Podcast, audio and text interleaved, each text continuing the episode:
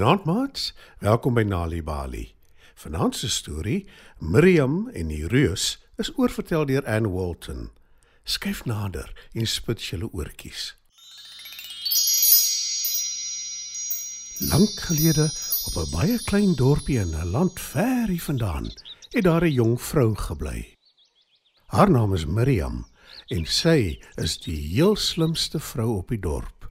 Sy is ook baie mooi en al die jong mans bewonder haar skoonheid. Miriam is nie net slim en mooi nie, sy is fliks ook. Sy vleg mandjies van gras en verkoop dit op die dorp se mark. Op 'n dag, toe sy al haar ware verkoop het, staan Miriam by 'n groente- en vrugtestalletjie en koop kos vir haar aandete. 'n Jong man van 'n ander dorp besoek die dag Miriam se dorp en hy sien haar raak by die stalletjie. Hy snak na sy asem en sê: Wie sy ook al is, sy is die mooiste vrou wat ek nog ooit gesien het. Petrus stap nader en stel homself voor aan Miriam. Goeiedag. My naam is Petrus. Sê hy en Miriam antwoord. Bly te kenne. Ek is Miriam. Daarna besoek hy haar gereeld en hulle word goeie vriende. En Miriam hou net so baie van Petrus as wat hy van haar hou. Toe hy haar dus na 'n paar maande vra om met hom te trou, stem sy dadelik in. Na die troue gaan bly die twee op Petrus se dorp.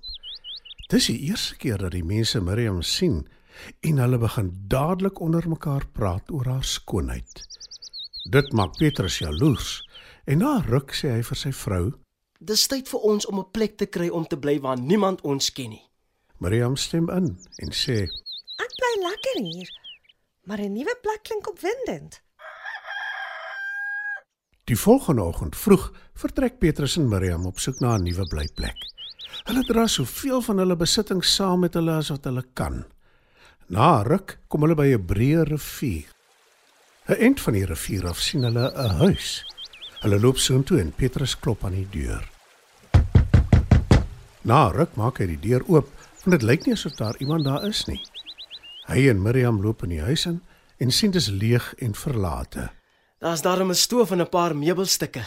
sê Petrus. En potte en panne. Ek hou daarvan. Ek sal die plek skoonmaak, dan gaan haal jy ons ander goed. Antwoord Miriam.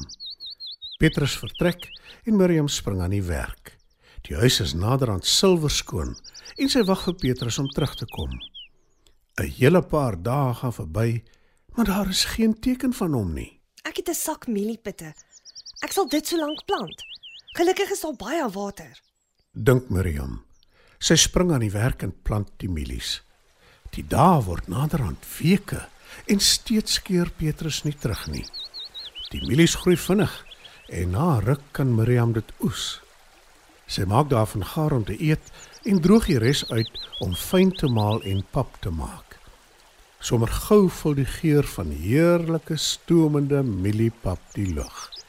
Wat Miriam nie weet nie, is dat iemand aan die ander kant van die rivier die pap ruik en al hongerder en hongerder word.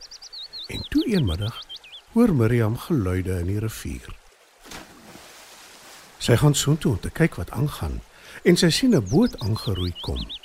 'n Uitslike groot man bind 'n tou wat aan die boot is vas aan 'n boom en klim uit.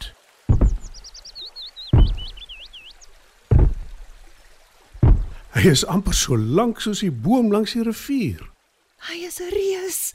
sê sy sag. Sy is nou baie bang. Ek is honger. Bulder die reus, Ek sal moet doen wat hy sê, anders is daar moeilikheid. dink Miriam. En sy nooi die reus in die huis in. Hy kyk rond in die kombuis en bulder weer. Bring vir my 'n stoel om op te sit. Miriam gehoorsaam en die reus hou aan bevele gee. Nou soek ek kos. Miriam gee vir die reus 'n bord pap. Toe hy klaar geëet het, sê hy: Ah, nou wil ek slaap. Wys my jou bed. Miriam dink vinnig. Sy wil beslis nie die reus oornag in haar huis hê nie. En sy sê: Dis amper son onder. Hoekom kom jy nie liewer môre terug nie?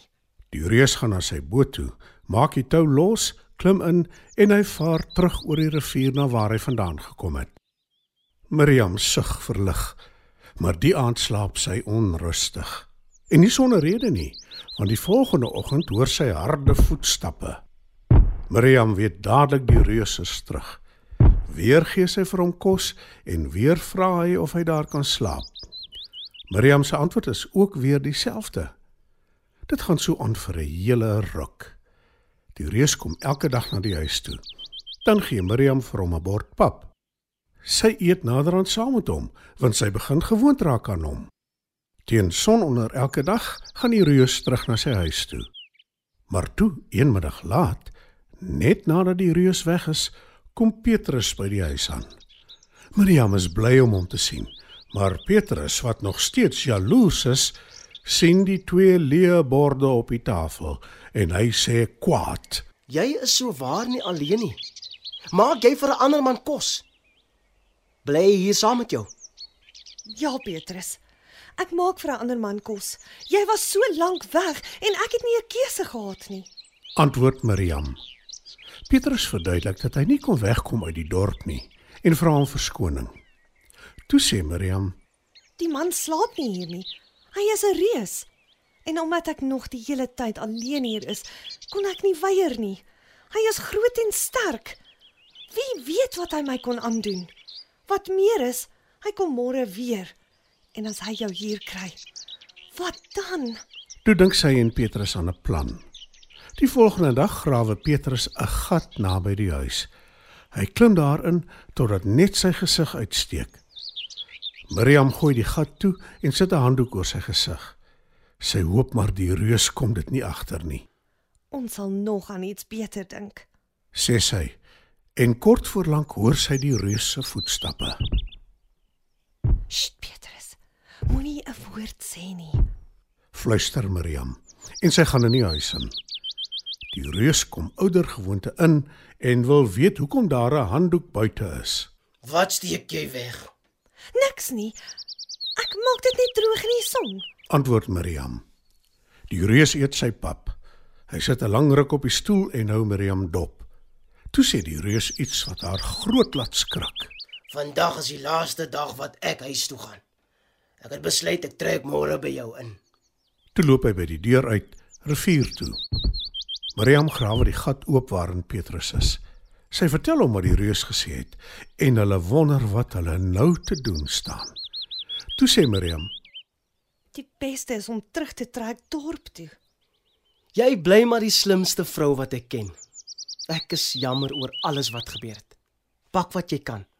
Ons gaan terug na ons mense toe.